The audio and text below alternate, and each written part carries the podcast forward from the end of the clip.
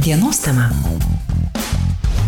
FM99 eterija studijoje prie mikrofono darbus tęsiu aš Eglė Malinauskinė ir šiandien dienos temoje noriu su jumis panalizuoti tokią situaciją, jog Lietuvos savivaldybių asociacija rengia išplėstinį valdybos posėdį, norėdama įsiaiškinti valdžios planus dėl savivaldybėse apgyvendintų migrantų. Ir štai, kaip sako asociacijos prezidentas Jonavos meras Mindaugas Sinkevičius, savivaldybių atstovai nori daugiau aiškumo, kaip toliau planuojama spręsti migrantų krizę, kokia naštos dalis teks savivaldybei, koks finansavimas bus. Iš tiesų klausimų yra labai daug, atsakymų kol kas na tikrai sulaukti pakankamai sudėtinga. Tai šiandien apie situaciją Varėnoje mes pasikalbėsime su Varėnos savivaldybės administracijos direktoriumi Alvidu Verbicku. Labadiena, gerbiamas Alvidai. Labadiena, gerbiami klausytojai. Kasdien sulaukime naujienų iš pasienio ruožo apie nekvestus svečius, tai daugiau, tai mažiau kiekvieną dieną migrantų, tačiau mes na, niekaip nesustabdome tos rauto. Tai kokia situacija Varėnoje yra šiuo metu šiandieną? Nu, situacija iš tikrųjų yra nepavydėtina ir įtempta visom prasmėmis ir, ir, ir, ir jų srautų ir, ir apgyvendinimu, ir gydymu. Varėnos būtent rajone, na, iškilo klausimas, ką daryti, pavyzdžiui, su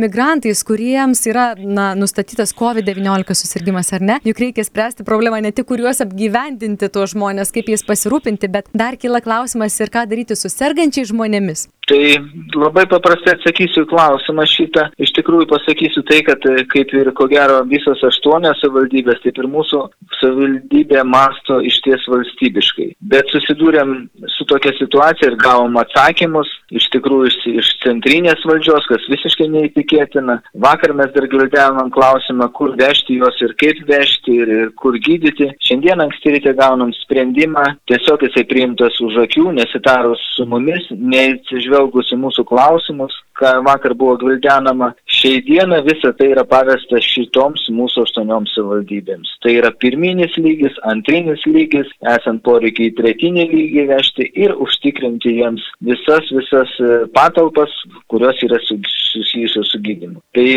situacija yra įtempta ir labai labai liūdna, kad sprendimai neįsiklausoma į mūsų. Mes tikrai reikalaunam, kad mums padėtų dar likusios 52 valstybės, tai yra savivaldos institucijos, jų pagalbos kol kas nėra, bet tai yra e, kol kas jiems e, juos kreipiamasi, tai yra ne mūsų, bet vyriausybė, kad jūs atsižvelkit, galbūt padėsit, ne, čia turi būti sprendimai priimami ir dabar. Tai yra ekstremali situacija valstybėje. Tokioje situacijoje, Elvidai, e, kai reikia spręsti čia ir dabar situaciją, kokios galimybės yra jums, sakykime, hospitalizuoti tuos sergančius žmonės, jiems suteikti gydimą ir kiek tų žmonių tokių yra, kuriems dabar yra reikalinga pagalba va šią dieną? Septyniems reikalinga, o kaip tai kadangi, vat, kaip ir minėjau, mes sprendimą tik anksti ryte gavome, tai, tai tikrai didelis iššūkis ir mes turėsime spręsti. Kas susijęs su mūsų gyventojais, mūsų piliečiais valstybės, tai viskas aišku, jie yra vežami į įstaigas, mes konkrečiai priskirti esame lytų ir santorom,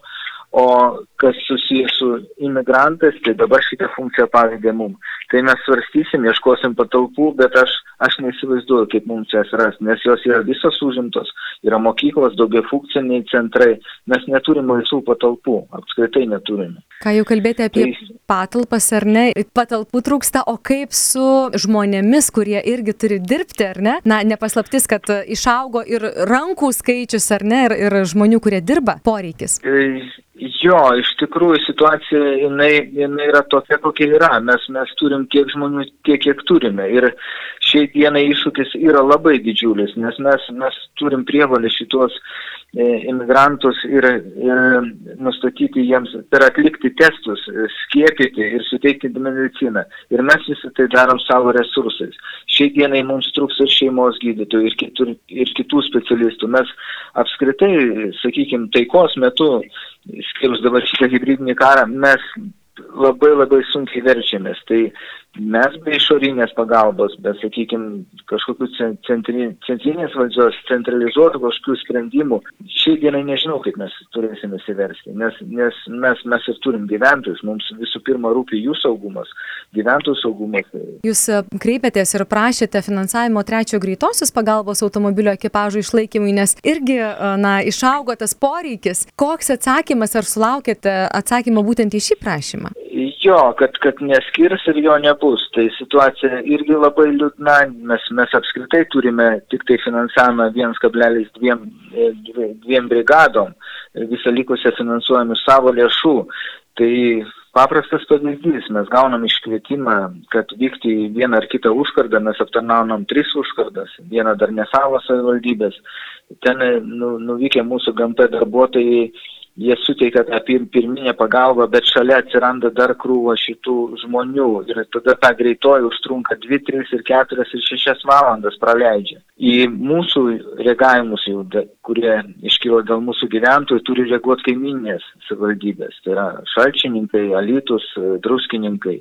Jie vyksta ir aptarnauna mūsų klientus tada mes turim jiems sumokėti už tai, kad, kad jie aptarnavo. Tai mūsų buvo poreikis būtent ir, kad jie leistų su, suformuoti mums trečią brigadą ir kaip nors jau toks kompromisinis variantas ten.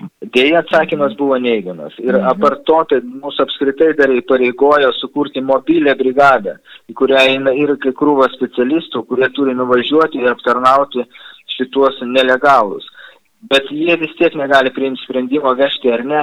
Absurdas ir paradoksas, jie vis tiek turi kviesti greitą, kad jinai atvažiuotų ir išves. -hmm. Tokia situacija. Šiuo metu kaip ir be situacija, Užbur... užburtas ratas be, be situacija be padėties, ar ne? Ar jūs Taip. kažkokių matote, kažkokių išeičių, žmonių prisikviesti į varieną specialistų, ar, ar kaip ir nuomotis kažkokius namelius, modulinius, išeitį kažkokią matote toje situacijoje? Tai dėl, dėl specialistų vėlgi viskas susiję pirmas dalykas su jų trūkumu apskritai Lietuvoje. Kitas klausimas būtų su finansavimu, jeigu juos čia prisikviesti. Ekstremalių situacijų valstybėje, tai nežinau, ar mums tai pavyktų. O dėl, dėl, dėl jų talpinimo, tai, tai vat, kaip ir minėjau, spręsim klausimą, ar savo patalpos ieškosim, ar, ar, ar mobilius namelius. Mes buvom numatę tokį tarpinį variantą, tai keturis namelius nuomoti ir statyti juos pasienio užkardoje, nes natūralu lengva užtikrinti jų, jų, jų saugumą, saugojimą.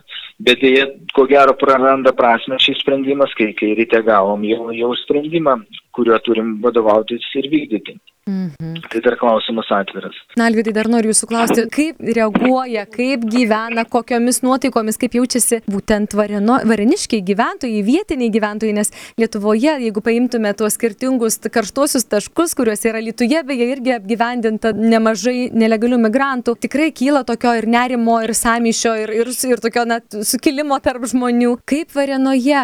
Kol kas ramiai, čia irgi, irgi toks platus klausimas, sakykime, liūdniausia situacija, tai kas ne, nerima kelia, tai iš ties mūsų dvi užkardos, tai ten ten jie iš tikrųjų kelia problemas, nes jų sąlygos visiškai netinkamos tam. Tai jie gyvena garažuose, ūkinėse patalpose, koridoriuose ir, ir, ir kitose, kur, kur visiškai nepritaikyta žmonėm. Bet bendrai, sakykime, mūsų gyventojai eidami miškus, tai šiek tiek susiduria su tam tikrų nerimo, nu, ką sutiksim, kaip sutiksim, nes, nes tokių atvejų yra buvę ir kelis kartus reagavo policija į tai ir, ir pasienio tarnybos reagavo ir buvo sulaikytos mažos grupelės šitų nelegalų. Buvo pasklidę irgi tokių prašymų žmonių, kurių gyvenamosiose vietose arti gyvenamųjų vietų yra apgyvendinti nelegalus migrantai, kad e, būtų galimybė turėti namuose ten pagalbos mygtukus, e, dujų balionėlių žmonės, na tiesiog savisaugai. Ar jūs tokių prašymų sulaukėte ir jeigu taip, tai ar yra tokia galimybė apskritai užtikrinti žmonėms, na tokį bent minimalų jų